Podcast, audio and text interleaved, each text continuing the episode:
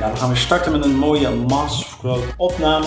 En goed nieuws, we hebben een co-host. Yes, hello. Helemaal uh, fris en fruit. Ja, Maurice, geweldig. Dus, uh, we hebben twee afleveringen hiervoor uh, een opname gehad met Wendy en ja, ja, we komen er niet meer vanaf. Nee, Maurice, ik vind het echt een grote eer dat ik jouw co-host mag zijn. En natuurlijk dat we al deze leuke mensen gaan uh, interviewen samen. En ik wil graag onze sponsor bedanken, www.geluk.com, voor elk moment het juiste geschenk. We hebben altijd um, heel veel succesvolle mensen in onze podcast, succesvolle tussenhaakjes. Nu iemand die helemaal mislukt is. En nu iemand die heel veel succes, uh, zakelijk succes heeft uh, bewerkstelligd. En nu ook spiritueel succes heeft behaald waarschijnlijk. Maar dat gaan we allemaal vragen. Annemarie, kan je eens vertellen laten we het zo zeggen, over je, je werkende carrière. Laten we daar eens mee beginnen. Nou ja, ik heb een, een, een veelzijdige weg uh, heb ik, uh, ben ik gegaan. Uh, ik ben begonnen in de sport met fitnesscentra. Daarna yogacentrum. Daarna ook een vergadercentrum. En uiteindelijk op de plek waar ik nu woon en werk is een oude kerk. En daar geef ik stilte Ik schrijf ook boeken. Ja, ik vat het altijd eigenlijk zo samen. Het lijkt alsof het allemaal heel verschillend is wat ik heb gedaan. En alsof het ook haaks op elkaar staat. De fitnesswereld met de spirituele wereld. Voor mezelf heb ik het gevoel dat ik altijd bezig ben geweest met, met welzijn, met je goed voelen. En dat was in mijn jonge jaren ging dat over eh, sporten en uh, ja, goede conditie, er goed uitzien. En ik ben er gaandeweg achter gekomen dat andere dingen belangrijk zijn om je goed te voelen. En die draag ik nu uit.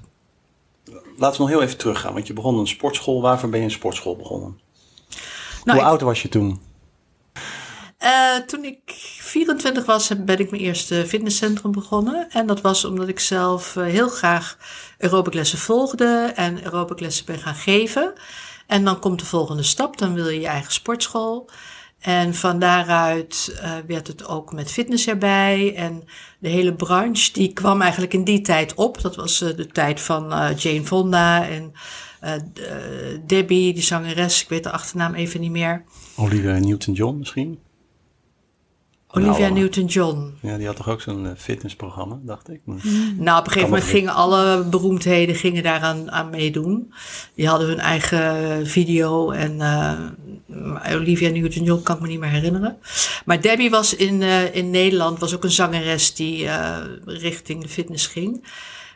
Um, dus ik heb eigenlijk, ik heb die hele ontwikkeling van de fitnessbranche meegemaakt. Dat je eerst heel klein en met wat oud ijzer en nou uiteindelijk wat, wat er dan nu is, die cardio en alles computergestuurd en uh, ja, hele programma's die je kan kopen voor je aerobiclessen, die helemaal uitgekristalliseerd zijn qua muziek en pasjes. En dus dat, dat, dat heb ik allemaal meegemaakt. Dus denk ik een ontwikkeling van 30 jaar.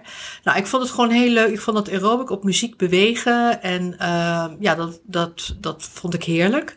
Dus dat ging ik toen ook uh, doen uh, als instructrice en later als eigenaresse van uh, diverse fitnesscentra. Want ja, je, je, tenminste, dat is wel iets wat mij kenmerkt. Je hebt een passie voor iets.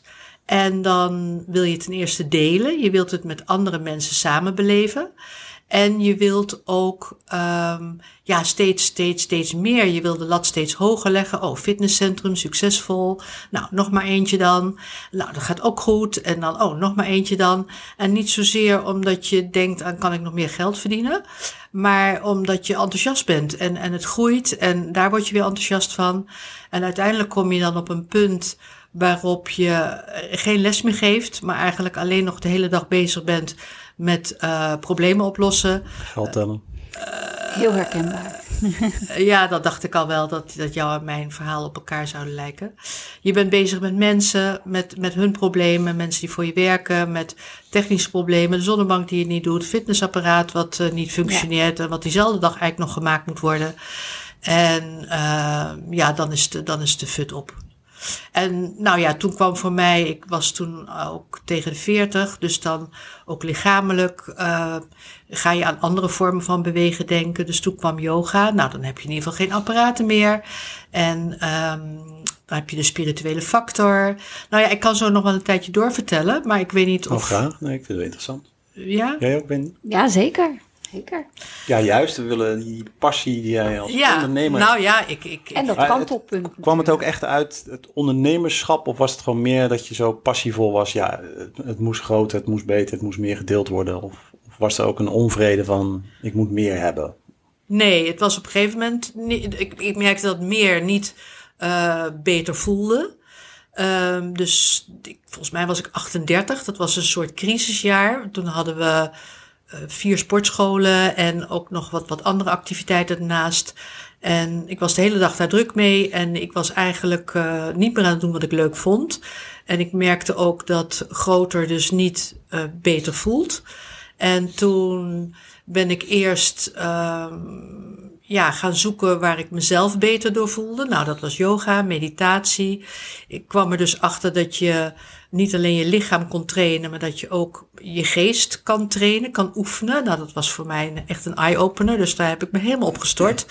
Dat, dat, dat, nou, dat er ook zoiets bestond als, als verlichting. Eh, dat was voor mij nieuw. Ik was eigenlijk nog nooit met spiritualiteit of dat soort concepten in aanraking gekomen. Dus eh, ja, ik ging toen alle boeken lezen die ik daar maar over kon, eh, in mijn handen kon krijgen. Ik ging cursussen doen, ik ging lessen volgen. Nou, de eerste stap was dan een yogacentrum en yogales geven. En ik hoopte eigenlijk dat je dan gelijkgestemde mensen ontmoet, net zoals in de aerobic en fitness, waarmee je het weer kan delen en elkaar enthousiast kunt maken. Maar dat viel dus ook weer tegen. Uh, dus wat ik in de fitness eigenlijk heb ervaren, dat het zakelijke aspect me ging tegenstaan, te veel problemen oplossen. Ik kwam ook tegen in het lesgeven dat bijna niemand zo gepassioneerd is als jij. En dan sta je voor die les en dan, en dan kijk je die zaal in. En als je twintig bent, dan heb je zoveel energie, dan stuiter je gewoon die lessen door. En als iemand dan minder gemotiveerd is, ja, dat maakt niet uit. Je hebt, dat komt puur van binnenuit. En ja, uh, je hebt het niet nodig dat anderen dezelfde passie hebben. Maar naarmate je ouder wordt en minder energie hebt en dus ook een groot deel van de dag bezig bent met dingen die je minder leuk vindt en dan hoop je uit je lessen hoop je energie te halen. Nou, dat gebeurde niet, want je kijkt die zaal in en dan denk je, oh mijn god. Ja, en je, je, je kan jezelf niet meer motiveren en dan kan je de mensen al helemaal niet meer motiveren. Dus dan raak je in een neerwaartse spiraal, energetisch en qua passie. Dus uh, ik hoopte dat in de, in de yoga-wereld te hervinden. Dat je dan een ander soort mensen, andere uh, motivatie. Ja, mensen die ook allemaal hun ego willen loslaten. En, en, en van binnen zichzelf willen ontwikkelen, persoonlijke groei. Nou, dat was een enorme afknapper, want dat. Ja, dat vond ik helemaal niet. In de cursussen en opleidingen die ik deed, zaten mensen die nog gefrustreerder waren dan in de fitnesswereld. En uh, ja, de mensen die yogalessen kwamen volgen, kwamen eigenlijk gewoon voor hetzelfde als, met, uh, als bij de fitness- en aerobiclessen. Ze wilden eigenlijk gewoon toch gewoon uh, ja, een beetje rekken, strekken, hun conditie en hun figuur. En daar was ik juist niet meer in geïnteresseerd. ik hoopte dat mensen ook um, bepaalde diepgang zouden zoeken en dat ik die zou kunnen geven.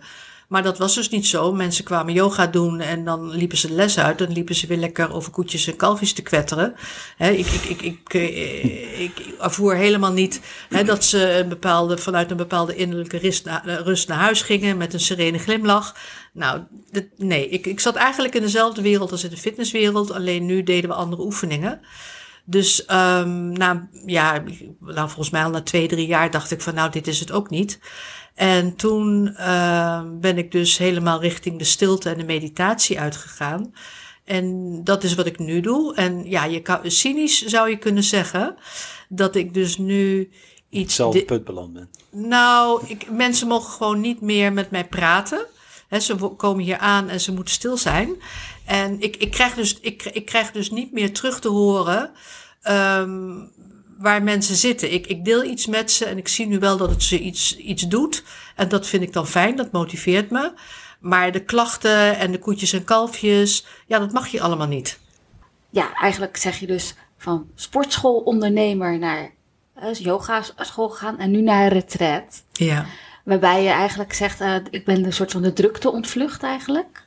De stilte zoek ik op. Ik denk dat het erop neerkomt dat ik wel heel erg graag verbondenheid voel met mensen. Uh, en dat dat mij altijd gedreven heeft. Ik wil graag delen. Ik wil graag dezelfde passie zien bij een ander. Ik wil graag um, het gevoel hebben dat ik iets bijdraag aan het geluk van een ander. En het is nu niet zozeer dat ik de drukte ontvlug, als wel het praten van mensen. Ik, ik, ik verbind me graag met mensen, maar ze moeten gewoon niet tegen me praten, want dan krijg ik een afknapper. Ja. Okay. Nee, maar ik, neem, ik denk wel dat mensen die, die bij je komen, die hebben bagage bij zich natuurlijk. Ja. En daar willen ze zich van uh, ontdoen. Op ja, maar dat kan niet bij mij. Ja, nee, ze willen de quick fix van jou natuurlijk. Ja. Ze willen van jou de oplossing. Nou, ze moeten denk ik leren hoe ze dat moeten doen. En niet bij iemand neerleggen, maar zelf daarmee aan de slag gaan. Ja, en, en, en of, of ja, er zijn ook weer mensen, coaches en therapeuten. En hè, dus als je, als je, je je persoonlijke neuroses en, en, je, en je angsten en verlangens die iedereen heeft, die, um, daar mag je ook natuurlijk bij een ander mee aankomen. Maar daar zijn dan mensen voor die dat weer leuk vinden om, om daarmee aan de slag te gaan. Ik merk dat ik dat niet heb. Ik ben liever in een groep met mensen die allemaal stralen en die ik meeneem in een bepaalde rust. Ik, ik, ik ben dan niet iemand bij wie ze daarna moeten gaan vertellen wat er dan allemaal boven komt en uh, wat ze allemaal hebben meegemaakt. Ja, dat trekt mij naar beneden. Ik, ik, word, ik, ik kan heel, heel erg verdrietig worden van de pijn die mensen elkaar aandoen, die mensen dieren aandoen. En dat komt wel allemaal in zo'n stilteweekend, komt dat naar boven. Dat, dat wil je eigenlijk allemaal niet weten, wat, wat mensen in hun jeugd hebben ervaren, wat ze in hun relatie ervaren, uh, de, de, de, ellende die ze met kinderen hebben. Ja, en dat, dat, dat, daar, kan, ja, daar moet ik me echt voor afsluiten. Dus in zo'n stilteweekend werkt dat voor mij optimaal. He, ik bied mensen iets waar ze, uh, waar ze echt nog lange tijd wat aan hebben. En ook bepaalde inzichten die ze kunnen gaan toepassen in hun leven. Uh, maar maar de, de ellende van de wereld, die, die, dus het is niet zozeer, denk ik nu al pratende, hè, is het niet zozeer de drukte die ik ontvlucht hier, maar de ellende. Ja. Ben je nu op zo'n plaats gekomen in je, in je leven waarin je dat echt gevonden hebt, dat plekje voor jezelf, ja. waar je naar op zoek was? Ja. En dat wil je nu graag delen met, ja. met anderen? Ja, ja. Maar ik, ja, ik merk ook wel dat alles wat ik zelf weer opnieuw ontdek, dat dus je blijft ondernemer en je blijft iemand die uh, graag wil delen en, en iets wat je vindt, waar je wat aan hebt, waar je uh, enthousiasme aan beleeft, waar je energie van krijgt, dan denk ik meteen van, oh, hoe kan ik dit, uh, in welke vorm kan ik dit met andere mensen delen? En dat heb ik nu bijvoorbeeld ook met paarden. Dus ik heb paarden herontdekt. Ik als tiener heb ik wel paard gereden, maar als ik daar aan terugdenk nu, dan ja, dan krijg ik hele kromme tenen en word ik ook heel verdrietig hoe we toen met paarden omgingen. En ik, ik dus ook, want ik wist niet beter. Gewoon rijden. Ja, weet je, gewoon, het, het, is een object en het moet gewoon eh, lopen en, en stoppen als jij dat wil. Ja, maar dochter uh, zit ook op paard. Ja, dat is, dat is natuurlijk vreselijk. Dus ik heb nu uh, de paardenwereld sinds een paar jaar ontdekt. En toen ben ik ook, uh, ja, ik denk, nou, ga ik met mensen op een andere manier van met paarden omgaan en met paarden zijn. Ja, en dan merk ik toch ook weer dat, dat je, dat, daar krijg ik dan ook, ook weer verdrietig van. Dat mensen hebben die passie niet en zijn dan na een half uurtje uh, ja, zij is er eigenlijk wel weer klaar mee. En dan denk ik, ja, ja, ik kan, ik kan mensen dan niet bereiken. Ik kan niet die brug maken naar mijn uh, enthousiasme, wat ik voel en wat ik eruit haal. En, en, en hoe mensen daar dan, ze geven zich wel op en ze komen. En dus ik ga ervan uit dat ze toch, net zoals met die sportlessen, dat ze toch wel zin erin hebben. Maar dan merk ik dat ze ja, niet de zin erin hebben die ik daarin heb in ieder geval. En dan uh, bereik je elkaar niet. En ik word daar uh, heel verdrietig van. Ja. ja. dus met paarden doe, daar ben ik mee gestopt. Maar is het, is het niet zo dat uh, mensen die bij jou komen, die, die zijn op zoek naar iets en ze weten eigenlijk niet wat misschien. Ja. Hè? En ze hopen het bij jou te vinden. Ja. Maar ja, dat is voor iedereen zijn eigen weg natuurlijk, ja. zoektocht ja. naar. Maar ik denk wel dat er een hele grote groep mensen is die juist als ze bij jou aankomen, datgene vinden wat ze denken te zoeken. Nu met de stilte wel, ja. Mm. Ik zit nu echt heel erg op mijn plaats. Dus ik blijf dit ook nog wel voorlopig doen. Ik heb het idee dat ik wat ik uh, goed kan, dat ik dat uh, kan uitdragen. Dus mijn talenten benut ik. Uh, mijn, mijn ervaring die ik heb opgedaan en met al die andere bedrijven. Hè, dus het, het, sporten, dus de, met, met yoga, met de cursus die ik heb gegeven. De, de, ik, heb, ik kan iemand nu naar een plaats brengen innerlijk waar het heel prettig toeven is. En dat, uh, daar heb ik de hele weg die ik heb doorlopen in mijn leven, heb ik daarvoor nodig gehad. Dus uh, wat ik in de sportschool heb geleerd, wat ik in een yogacentrum heb geleerd, dat pas ik eigenlijk allemaal toch impliciet toe. Dus ik doe hè, voor de, voor als je er van de buitenkant naar kijkt, compleet iets anders. Maar de ervaring die ik heb opgedaan met mensen en bij wat, wat helpt om mensen te ontspannen, wat helpt om mensen zich prettig te laten voelen, dat gebruik ik allemaal nu in die weekenden. En omdat ik mensen echt een weekend lang, dus drie dagen lang, echt van s ochtends tot s avonds om mij heen heb, kan ik dus wel die diepte bereiken, die verdieping geven, die in een yogacentrum niet kon. Want dan komen mensen een uurtje en dan, ja, dan, uh, ja, ze komen er niet voor, maar ze, je hebt ook te weinig tijd. Ja. En nu komen ze er echt voor en nu heb ik drie dagen. En dus nu kan ik eindelijk ja, iets delen. Alleen, ja, nogmaals wat ik zeg, mensen moeten niet praten tegen me. Want dan, gaat, dan uh, maak ik een kortsluiting.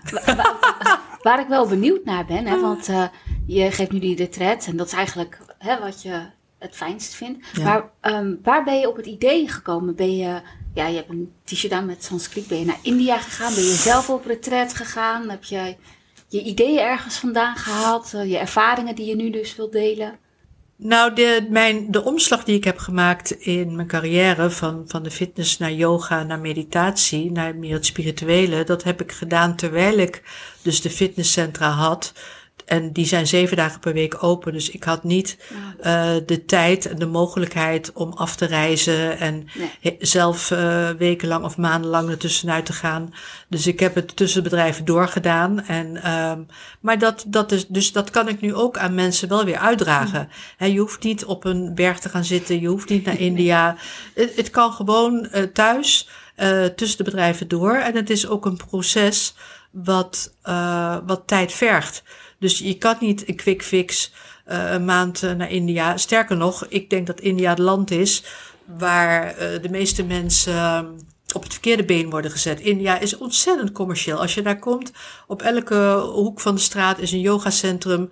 En iedereen daar in India ruikt geld en mogelijkheid om uit, uit, die, ja, uit de hele hype, die we natuurlijk ook hebben. ja, de, de, de, de, toerist, om die ja, onder, onder het mom van, van verlichting en spiritualiteit gewoon uh, geld afhankelijk te maken. dit mag niet, hè? Dat mag niet. Even terug naar het ondernemerschap, want uh, ik ken jou al wat langer en je man ook. En die is uh, niet, niet echt spiritueel, toch? Of, of is hij dat nu? ja, ik heb twee jaar niet gesproken, dus ik weet niet of die. nee, nee spiritueel jij. Oké. Een heiden. Um, op een gegeven moment zei hij tegen Werner: al die sportscholen moeten weg. Ja. En toen, uh, ja. Ja, hij was niet blij. Voor hem was het. Uh, nou, het, het, het wrange was dat ik hem de fitnesswereld in heb getrokken. Hij had een opleiding en hij wilde zelf supermarkten gaan beginnen. Dus uh, hij was ook daar al in aan het werk. Hij had nog niet zijn eigen supermarkt, maar hij stond op, op het punt om dus die stap te gaan maken. En toen ontmoetten wij elkaar. En toen ja, de relatie was meteen zo goed dat we dachten van ja, we moeten echt op lange termijn denken. En ik zit in een fitnesscentrum en ik werk s'avonds. En jij hebt dadelijk een supermarkt en dan werk je overdag. En dan zien we elkaar gewoon nooit. Uh, dus ga ik in de supermarkt of ga jij in een fitnesscentrum werken? En nou ja, de supermarkt, dat was, ik, dat was al helemaal natuurlijk niks voor mij geweest. Niet echt spiritueel. Dus uh, hij was bereid om zijn carrière op te geven. En toen zijn we dus samen eh, eerst één fitnesscentrum. Nou ja, en als je met z'n tweeën bent, dan kan je makkelijk bedrijven ernaast beginnen. Dus dat, dat ging ook zo. Toen ik de omslag maakte naar de yoga, waar hij dus helemaal niks meer had, toen heeft hij zich daar toch weer uh, ook maar uh, ingeworpen. Dus meer op de achtergrond. Hè, dus het schoonmaken en het organiseren en het aardse werk. Um, maar ik heb hem dus ook een, een, branche ingetrokken die niet zijn branche was, waar hij in principe geen affiniteit mee had. En toen was ik er ineens klaar mee. Toen ging ik iets doen waar hij nog minder mee had, met stilte. Dus, want, je, um, want je kocht, je kreeg een boodschap, zeg ik dat goed? Uh, mm, je moet een kerk kopen. Nou, nee, ik, ik, kreeg niet, ik kreeg niet een boodschap door of zo. maar, ja. maar, nee, maar ik, ik, ik, ik, ik nou, op een gegeven moment, toen ik al in de yoga en zo zat, toen liep ik in, in de stad en toen was een, kwam ik voorbij een kerk en die had de deur openstaan. Dan kon je gewoon inlopen, was overdag. En toen liep ik daarin en toen werd ik enorm geraakt. De tranen liepen ook over mijn wangen en ik wist niet wat er gebeurde, maar ik wist wel, er is nu iets, hè, er is iets wat ik moet onderzoeken. Uh, en ja, die kerk, die, wat ik zag, de afbeeldingen, de, de, de, de schilderijen, de heilige beelden, het altaar, raakte mij enorm. En dat ben ik gaan onderzoeken door vaker naar mis te gaan en me te verdiepen in het christendom. Ja, en dat, dat heeft uiteindelijk ook ja, van alles losgemaakt waar ik dan nu weer boeken over schrijf. Hè, want dan wil ik het toch weer delen. Um, maar dat is dus. E- en, en toen kwam dus het idee: oh, als ik nu zelf ook zo'n kerk heb, zo'n gebouw, iets wat al wat losmaakt als je erin loopt. En dat, dat heb ik dus nu, een oude kerk, 14e eeuwse kerk.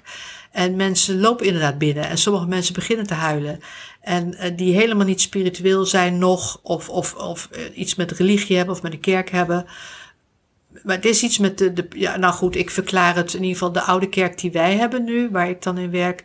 Daar, in die tijd, toen die kerk gebouwd werd, in de 14e eeuw, toen werd ook echt nog gekeken naar de, de, de energie. Hè, dus um, waar is de energie uh, geschikt om het hogere te ervaren. Dat werd, in die tijd, werd dat hoe precies, weet ik niet of dat met pendelen ging of, hè, of de, de, de plaatselijke dorpsheks of hoe, hoe, dat, uh, hoe dat werd uitgezocht, weet ik niet. Maar uh, dat was nog een tijd waarin men rekening hield met energieën. Dus onze kerk staat op een hele krachtige plek die iets met mensen doet. Uh, later werden kerken gewoon neergezet in het centrum van de gemeenschap. En werd daar dus niet uh, energetisch uh, over nagedacht. Um, dus ja, wat, wat, wat die kerk met mij deed, dat doet het nu voor anderen ook. Mooi. En jullie hebben ook een watertoren op een gegeven moment. Ja, gehad en weer verkocht nou ja, er stond zo'n oude mooie watertoren in Delft. En er stond in de krant dat er een prijsvraag was. En dan kon je die watertoren voor een euro kopen. Ja, en dan is het je ondernemerschap. Dus toen dacht ik, oh, dan ga ik yogalessen in doen. Dat is hartstikke leuk, zo'n oude, oud monument. Maar een watertoren is veel te klein voor yogalessen. En toen hebben we daar, dus we hebben die prijsvraag gewonnen, helaas. helaas. En uh, ja, dan moet je er ook wat mee. Dus toen zijn we er uiteindelijk een vergadercentrum in begonnen. Je exporteert het dan. Maar ja, toen liep ik rond met borrelhapjes. En daar werd ik ook niet uh, gelukkig van. Dus dat is dan een, een, deel, een fase en uh, dat onderzoek je. En dan, nou, dat past dan niet bij mij, dus dat verkoop je dan weer. Ja. Maar dat is jouw ondernemerschap. Ja. Je bent gewoon eigenlijk een gepassioneerd ondernemer. Ja. Ja, zoals nu, de kerk aan de overkant die we nu ook kunnen horen, dat zijn de overburen. Mm -hmm. Die kerk is twee jaar geleden uh, gesloten, dus de klok die slaat nog wel, maar er zijn geen missen meer en die is nu te koop. En, nou, Maurice ja, toen dacht ik van oké, okay, weet je, echt aan de overkant, nog een kerk. Nee. En uh, ja, twintig jaar geleden had ik hem om me meteen gekocht en dan was ik, uh, nou dan had ik de stilte dus uitgebreid of er iets anders in gedaan. Maar dat, dat uh, dus ik heb ook geleerd dat ik dat niet moet doen. Dat meer niet altijd beter is. Dat ik er niet, in ieder geval niet gelukkig van word. En dat het ook niet altijd meer geld oplevert. Dat heb ik ook geleerd. Mm. Want um, schaalvergroting betekent ook dat je vaste lasten worden vergroot. Dat je uh, anderen moet gaan betalen voor lesgeven en voor alle dingen die je zelf doet als je één bedrijf hebt. Dus um, ja, de kosten-opbrengstenverhouding, die in ieder geval in de fitnesswereld, was niet zodanig dat ik iedereen zou zeggen van uh, begin er nog uh, een zaak bij. Misschien dat het een ander bedrijfstakken anders werkt. Maar in een, in een fitnesscentrum, in een yogacentrum, ja, in principe verdien je alleen maar geld als je gewoon zelf al de hele dag staat en lesgeeft. Ja. Even zijvraagje, maar wat kost nou zo'n kerk? Die is, die is te koop, maar wat betaal je nou voor een kerk? Is dat dan nou, ook ja, een, euro en uh, heel veel verbouwingskosten? Of, uh? We hebben ook de pastorie ernaast gekocht. Mm. We hebben ook de boomgaat ernaast gekocht. Dus we hebben in drie fases hebben we de locatie gekocht waar we nu werken. En in totaal heeft het een miljoen gekost. Wauw. Mm. Uh, maar goed, voor degene die naar de podcast luisteren, vind, is het misschien ook wel weer goed om te horen dat ik nu op een plaats ben in mijn leven waarin ik inderdaad uh, innerlijk een plek heb die vredig en vreugdevol is. En ik heb genoeg geld om te stoppen met werken, maar dat doe ik niet. Dus ik vind het nog zo leuk om, om dit te delen. Ik heb nog steeds die passie en uh, de, de behoefte om me te verbinden met mensen. En te zien dat dat wat ik gevonden heb, dat zij dat ook ervaren en dat ze daar blij van worden, dat, dat wil ik nog steeds. Dus ik hoef geen geld meer te verdienen. Uh, maar werken doe ik nog steeds om die reden. Zoals ik ook begonnen ben. Ik ben nooit begonnen van nou, ik ga, ik ga yogales geven of, of, of, of fitnessles geven. Omdat dat nu uh, lucratief is, omdat het nu een hype is. Ik denk als je er zo inzet, dan word je uiteindelijk niet echt succesvol. Als jouw motivatie geld verdienen is. Je moet, je moet echt iets doen omdat je uh, niet anders kan. Ja, en wat is in jouw ogen succesvol zijn? Nou ja, goed, dan heb je het westerse beeld van het materialistische uh, aspect van uh, hè, verdien je geld en heb je spullen en status. Um, ik denk, ja, ik weet niet wat jouw luisteraars, hè, wat, wat die vinden wanneer je succesvol bent. Dat is maar net aan wie je dat vraagt. Ik zie dat nu niet meer als succes, nee. Hè, dat je, wat, wat je oplevert uh, in materiële zin. Wat precies op jouw shirt? Op mijn shirt staat Samadhi in Sanskriet. En dat betekent verlichting. En dat wordt wel vaker gevraagd als ik dit shirt draag. En dan zeg Is ik dat. dat ook om mensen uit te dagen? Of, uh... Nou ja, dan zeg ik dat. En dan hoop ik dat mensen doorvragen en geïnteresseerd. Maar dan is, het, dan is het ook wel, als ik zeg verlichting, oh. En dan is het. Nou, dat, ik denk dat dat ook een beetje meteen is. Hè, dat, dat illustratief is voor um, die, dat, dat gebrek aan passie wat ik dan bij anderen ervaar. Ja, oké, dat betekent verlichting. Oké, nou en dan gaan we weer over op een ander onderwerp. Terwijl ik dan denk, oh, wat is dat? En hoe, hoe, hoe kom je daar? En wat ervaar je dan? En, uh... Is dat misschien met ondernemers die dan zakelijk succes proberen te bereiken, dat ze ook een soort verlichting willen bereiken, maar uiteindelijk erachter komen dat dat niet de verlichting is? Nou, dat denk ik niet. Ik denk verlichting dat ze gelukkig, dat ze denken dat geluk afhangt van wat ze hebben en wat ze uh, dus materieel bereiken. Um, en dat ze erachter komen dat dat het niet is. En, en dat, dan kan je twee kanten op gaan. Uh, dan heb je op een gegeven moment heb je dat, dat bereikt, uh, materieel succes. Dan heb je niet het gevoel wat je denkt dat daarbij hoort. En dan gaan mensen richting verslavingen uh, of richting, nou ja, vreemd gaan. Hè, dus allerlei andere drugs. Dus dan gaan ze dingen proberen die dan, of je kan de spirituele kant op gaan. Dus, dus je ziet mensen dan op een gegeven moment op een, in een crisis komen ergens rond de 40, net als ik. Dus en dat hebben de meeste mensen, een bepaalde crisis dat ze denken, nou, wat ik dacht waar ik gelukkig door zou worden, dat geeft geen vervulling. En dan ga je andere dingen, en dat kan dan spiritueel of, of uh, dingen die slecht zijn voor je gezondheid. En wat is verlichting voor jou? Nou, de samadhi, die, waar, waar je nu naar vraagt, wat op mijn shirt staat, dat is de verlichting waarbij je dus die verlangens en angsten en je pijn niet meer ervaart. Dat je dus op een innerlijk op een plek uh, zit waarbij je uh, niet meer naar iets anders verlangt. Dat het moment van nu goed is. Maar dan gaan we, dat wordt erg zweverig. Ja, maar ik vind het wel interessant. Jij ook, Ik vind het zeker interessant, ja. En, en hoe, ja, hoe weet je dat dan? Dat je niks, wat is niks anders meer verlangen in het dagelijks leven? Niks meer verlangen. Ja, maar ja. Nou ja, zelf heb ik dus gemerkt, uh, ik kan dus... Ben jij verlicht? Ik, ik weet wat verlichting is, een, een, een, een, een, uh, een fase daarin, want je, hebt, daar kan de, je bent nooit aan het einde van die weg. Daar zijn, hè, er zijn verschillende niveaus van verlichting. Maar ik kan dus um, in de meditatie, kan, kom ik vrij snel op een plek waarin ik niks anders meer nodig heb.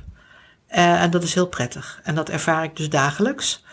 Ik heb ook ervaren, ik heb op een gegeven moment overwogen om te stoppen met werken en gewoon lekker de hele dag te mediteren en uh, daarbij te houden. Maar dat vervult ook niet. Dus er is iets in de mens. We zijn toch, we hebben een, een, een, een verlangen in ons. Naast het verlangen naar die vrede en, en gelukzaligheid hebben we ook een verlangen om te groeien en te delen. Ik in ieder geval wel. Dus ik word er niet gelukkig van om alleen maar te mediteren en samadhi te ervaren. Um, je kan ook niet continu in samadhi blijven. Dus op een gegeven moment dan kom je daaruit en dan moet het lichaam moet eten. En dan ontdek ik dat ik toch ook wel even iets, iets wil ervaren van het leven in, in, hier op aarde. Dus of dat dan is naar mijn paarden toe gaan. Of, even uh, showbiz nieuws kijken of zo is wel andere uitersten. Hey, een uh, vraag van onze sponsor www.geluk.com.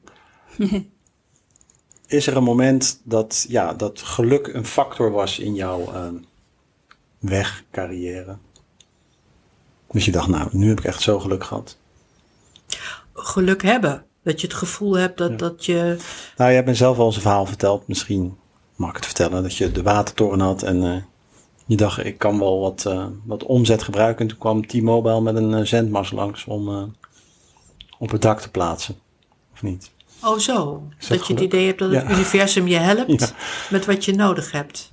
Ja. Zo. Nou ja, je kan het interpreteren zoals je zelf wil. Ja, ja zeker. Ja, zeker. Uh, kijk, die kerk alleen al. Weet je, hoe, wanneer ben je in, in, in staat om een 14e eeuwse kerk te, te kopen? Als je er echt naar gaat zoeken, dan uh, vind je dat niet. En dat kwam op mijn weg. En toen had ik die kerk, toen woonde ik in Delft en die kerk was aan de andere kant van het land en er was geen plan. Dus er was alleen een gevoel van, oh die kerk, ja die kerk, die, die, die, moet, die wil ik hebben. Maar uh, er was geen plan. En toen, en, en toen kwam een half jaar later de pastorie te koop daarnaast. Nou, dat was geluk of toeval of uh, God. Wat je, maakt niet uit hoe je het noemt, maar dat was, anders was dat de hele, kerk het was gewoon één grote mislukking geworden. Want wat had ik daarmee moeten doen? Dus nu had ik een pastorie erbij waar mensen konden overnachten, waar ik zelf kon wonen. Um, dus jo, zo zijn er inderdaad wel een paar momenten in mijn leven geweest die uh, mijn koers hebben bepaald. En waar je zelf geen invloed op hebt. Waarin er dus een onzichtbare hand, ja, dat kan je geluk noemen. Of je kan het spirituele zien. Dat je geholpen wordt. Ja, ja wat doe je dat wel? Dat je hè, een vraag stelt of een vraagstuk hebt wat je loslaat. En dan hoopt dat. Nou, het is niet zoals bij The Secret hè, dat, je, dat je dat uitzet heel bewust. Of dat ik daarop mediteer. Of dat ik, hè, dat ik daar dat ik dat probeer af te dwingen. Het is meer dat jou. Het is meer dat je, denk ik, als ik namens mezelf praat, dat je probeert het beste uit jezelf te halen. Dat je continu op zoek bent naar hoe kan ik uh, zin geven aan mijn leven?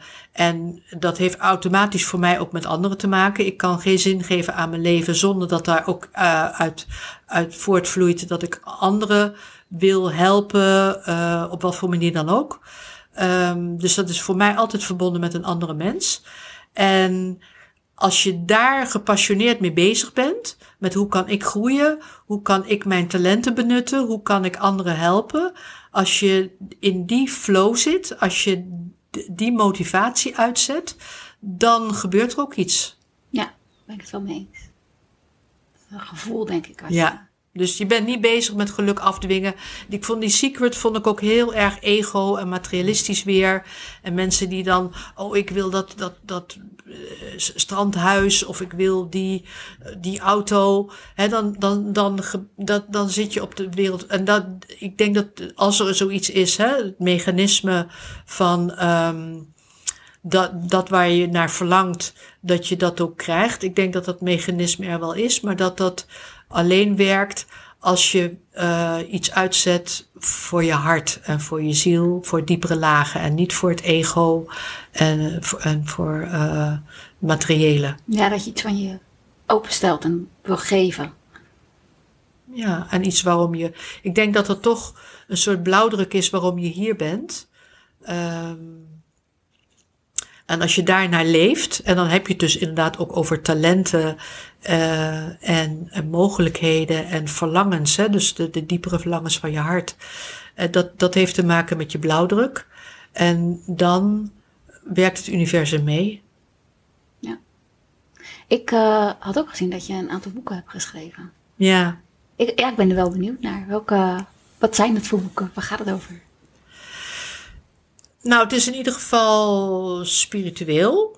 Uh, en in dit geval heb ik wat dingen ontdekt in de Bijbel en het christendom. En dat is helemaal niet sexy, christendom en de Bijbel. Maar juist daarom, ik heb daar uh, dingen in ontdekt. Uh, gewoon door mijn eigen zoektocht, mijn eigen spirituele zoektocht. Hè. Wat, wat, wat gebeurt er in een kerk dat ik geraakt word?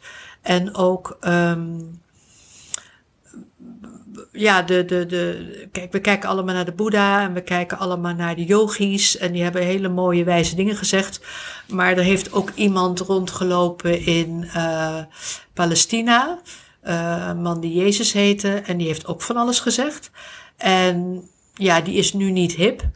Um, maar ja, er was iets waarom ik me toch heb verdiept in de Bijbel. En toen ben ik dus, uh, ja, toen ben ik zaken tegengekomen die, waarvan ik denk, nou, dat moeten mensen weten. Daar worden mensen ook enthousiast van. Um, dat is net zo waardevol als de lessen van de Boeddha en de, wat, wat de yoga-leer zegt. Uh, dus daar ben ik over gaan schrijven, omdat ik het in eerste instantie wilde vertellen wat ik gevonden had. Uh, en toen zag ik dus dat het nergens aankwam. Uh, ja, het licht gaat groot uit bij, bij Jezus en de Bijbel, bij die twee woorden. Nou, dat snap ik heel goed hoor. Want uh, dan had je bij mij ook voor mijn veertigste niet meer aan hoeven komen. Dus ik snap dat heel goed. Ik veroordeel mensen daar ook niet. Maar ik heb dus gemerkt van nou, ik laat ik het maar gewoon opschrijven. En als iemand er echt naar zoekt, net zoals ik op een gegeven moment ging zoeken, dan vinden ze mijn boek. En dan zijn ze er blij mee. Ik moet niet op een sinaasappelkistje gaan staan en uh, verwachten dat mensen om mij heen gaan drommen en aan mijn lippen hangen als ik kom met Jezus en de Bijbel. Um, en zo werkt het inderdaad. Ik heb het nu opgeschreven. Mijn boeken verkopen in de kring van mensen die het zoeken, verkoopt het goed. En ik heb dus hele enthousiaste lezers, maar dat is een kleine kring. Maar ik ben nu wel het ook internationaal onder aandacht aan het brengen. Dus mijn boeken, die ene is er al vertaald in het Engels, de andere ben ik aan het vertalen. En um, via mijn eigen uh, uitgeverij breng ik dat nu internationaal via mijn website. Probeer ik mensen te bereiken en dat lukt op bescheiden voet. Ja, ja leuk. Leuk dat je je ervaringen, hè, dat je die ontdekkingen ja. in jou, op jouw manier vertelt. Ja. En hoopt ja. ook de ja. mensen te bereiken die misschien onbereikbaar zijn voor de verhalen. Ja. Ja.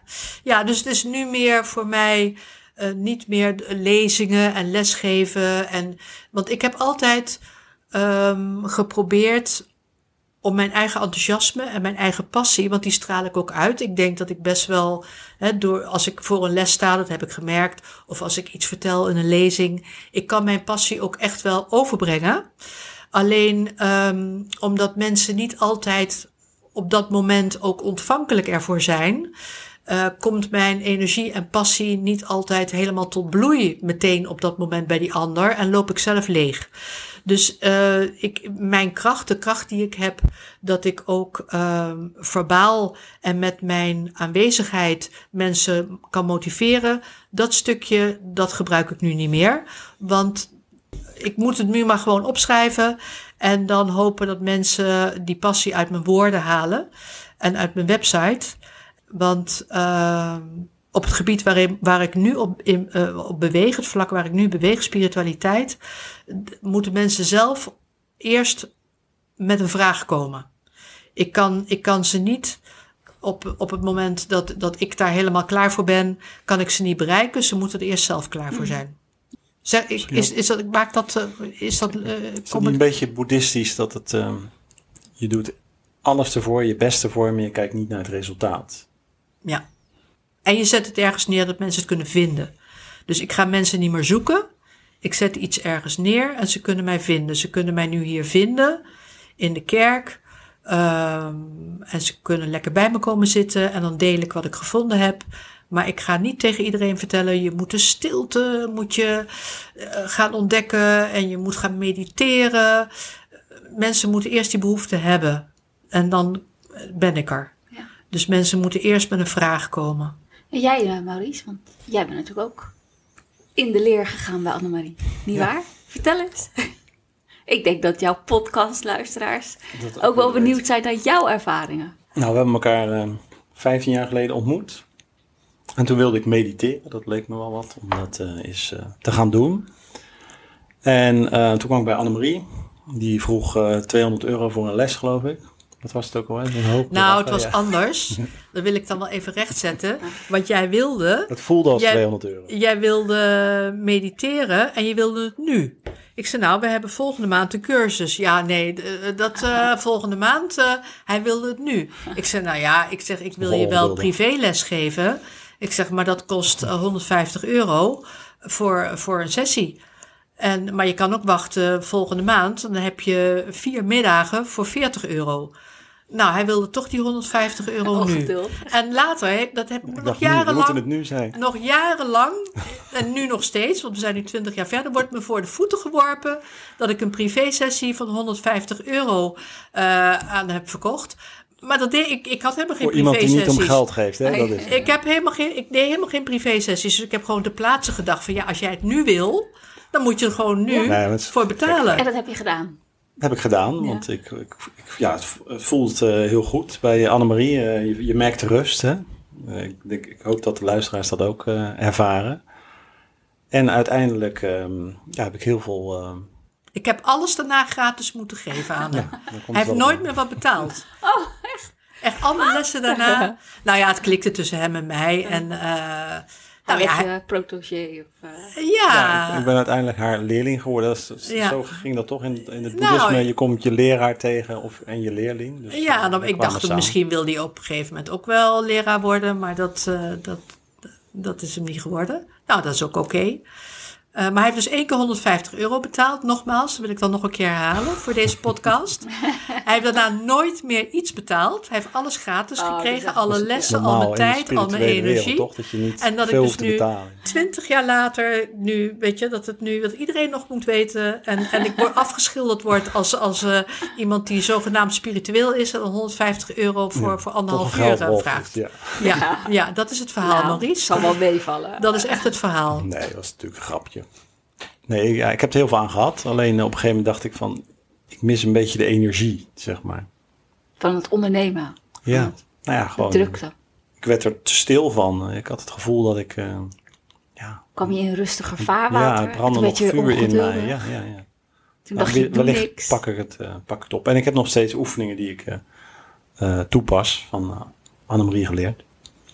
Zoals dat ik nu voel hoe ik op de stoel zit. Mindfulness. Hmm. Ik kan me zo voorstellen dat onze luisteraars zoiets hebben van: oké, ik ben succesvol tussen haakjes, maar er mist nog iets in mijn leven. En zou dat deze weg zijn, denk jij? Ik denk dat. Wat zouden die ehm, mensen moeten doen? Ik denk dat meditatie het antwoord is. En ik moet zeggen, dat is, dit is een uh, citaat van Deepak Chopra. Um, op een gegeven moment als je in een crisis raakt, als je gaat zoeken of als je dus inderdaad hè, van alles hebt bereikt en je, je hebt toch niet het gevoel wat daarbij hoort, waar, waar, waarvan je hoopt hè, dat je dan het zult hebben als je alles hebt bereikt, dan um, ga je zoeken en dan kan er iemand zijn die dan net even een zin zegt, een uitspraak doet, die bij jou ja, dat vergeet je gewoon niet meer. Hè? Die komt binnen en die, dat is een zaadje en dat gaat groeien. Nou, voor mij was die zin bij een uh, conventie met Deepak Chopra, twee dagen ergens in Scheveningen. En uh, die, die zei van alles. En ik heb ook van allerlei aantekeningen gemaakt, maar er is me verder niks. Maar hij zei één zin. Want ik was toen al uh, twee jaar of zo intensief bezig met, met yoga en, en, en, spiritualiteit. Maar meditatie, daar kon ik me niet toe zetten. Ik had te veel vuur, te veel temperament en dat zitten en dan niks doen. Nou, dat, ik, probeer, ik had het wel een paar keer geprobeerd, maar ik, ik denk, wat zit ik hier nou te doen? En, en, en wat, weet je, waar is het goed voor? En ik, ik, ik zonde, van mijn zonde van mijn tijd. En uh, ik was er ook te onrustig voor. Ik, nou, ik was toch meer de wereld van bewegen en sporten. Dus dat mediteren, dat, dat, dat had ik, dat, dat kon, nee, dat, dat, ik begreep wel, hè, dus ik, ik, las wel steeds dat dat goed was, maar het leek me toch niet iets voor mij. En toen zat ik bij Deepak, Chop, Deepak Chopra en die zei toen, uh, whatever your question is, meditation is the answer. En dat kwam voor mij ook qua timing. Ik had dus al van alles gezocht en gedaan en geleerd. En ik, ik was er nog niet uit wat nou de nieuwe koers was. En toen dacht ik, nou ja, dan. Kwam voor mij op het goede moment en met de goede energie kwam die zin binnen. Ik denk, nou ga ik mediteren. En al, al, al moet ik een baard laten staan. Uh, ik, ik, ga, ik blijf zitten totdat ik weet wat, waarom je, zou moeten mediteren. Nou, zoals je ziet, um, heb ik een mooie volle baard nu. en, maar goed, dat, dus met diezelfde passie als waarmee ik andere dingen in mijn leven heb opgepakt, ben ik toen gaan mediteren. Met het idee van, nou oké, als dit het antwoord is, dan zal ik ook uitvinden wat meditatie kan brengen en ik ga door tot ik het weet. En uh, nou, dat, ik heb dus inderdaad nu heel wat uh, kilometers op mijn teller staan. Um, en het is waar. Het is waar. Het, hoeveel mediteer jij? Veel. Elke dag? Drie uur. Oh, wauw. En begin je dan s ochtends, middag nog? Nee, voor mij is het smiddags avonds. Ik ben geen ochtendmens. Dus het is inderdaad wel iets wat je normaal gesproken s ochtends uh, wordt geadviseerd om te doen. En wat voor veel mensen ook goed werkt. En voor Maries ook. Maries begon met, uh, met meditatie. Voor mij werkt het niet. Dus dat is inderdaad, uh, dat, dat, dat mag je ook echt wel persoonlijk, dat adviseer ik. Maar gaat niet hè, uit een boekje zo moet het. Nee, wat past bij jou? Hoe lang en hoe, va hoe vaak per dag en, of vaak per week? En op welke plek en op welk moment van de dag? Dat is echt iets waar je, dus een persoonlijke zoektocht. Um, maar daar ligt dus het antwoord in. Want even terug naar hè, de vraag van uh, wat adviseer je mensen die succes hebben. Kijk, je moet, uh, je, je wil het, het, het succes, geluk wil je voelen. Je kan je niet gelukkig denken. En op het moment dat je in een materialistische leefwijze zit, en met heel veel doen en denken en ondernemen, dan zit je in je hoofd. En in je hoofd wordt het steeds drukker. En zolang je in je hoofd blijft zitten, kom je niet bij een je goed voelen. Dus het is echt, je moet van denken naar voelen gaan. En daarvoor dat is de weg van de meditatie. En ook al doe je het maar elke dag een half uur of een uur, dan um, maak je contact met je gevoel. En dan ga je je gelukkig voelen en dan voel je ook of je inderdaad wel op de goede weg zit. Maar het kan best zijn als jij naast succesvol gewoon uh, een business runnen, he, helemaal niks, uh, ja, wat is spiritueel, weet je, alles, alles is uiteindelijk spiritueel als je het op een bepaalde manier um, inzet en, en uh, in de wereld zet voor jezelf en voor anderen. Dus dan, dan kan je ook een multinational runnen en uh, wat mij betreft goed bezig zijn. Um, belangrijk daarin dus is uh, rust en ruimte in jezelf houden om te voelen of je goed zit. En ook om je goed te voelen. En zolang je dus in, in een uh, red race zit en alleen maar met je hoofd, ochtends al meteen hup telefoon aan, uh, bellen, praten, denken, uh, concentratie, tot, tot s'avonds laat. Nou, dan heb je misschien heel veel geld op de bank, maar dan heb je geen verbinding met jezelf, met je gevoel. Je voelt niet of je goed zit. En als je goed zit, voel je het niet. Dus dat, ja, meditatie. Nou, Annemarie, hartstikke bedankt voor jouw prachtige verhaal.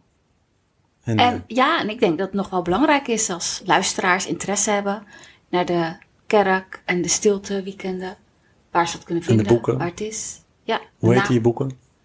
Dat gaan we ook erbij zetten bij, mm -hmm. het, bij de podcast. Ja.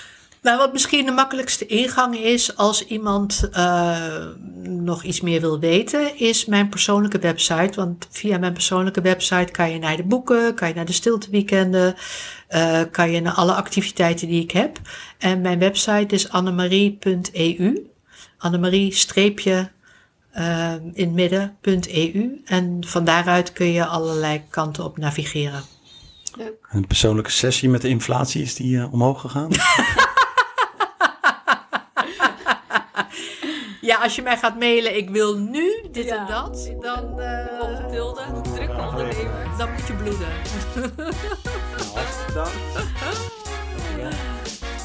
Ja, bedankt voor het leuke gesprek. Ja.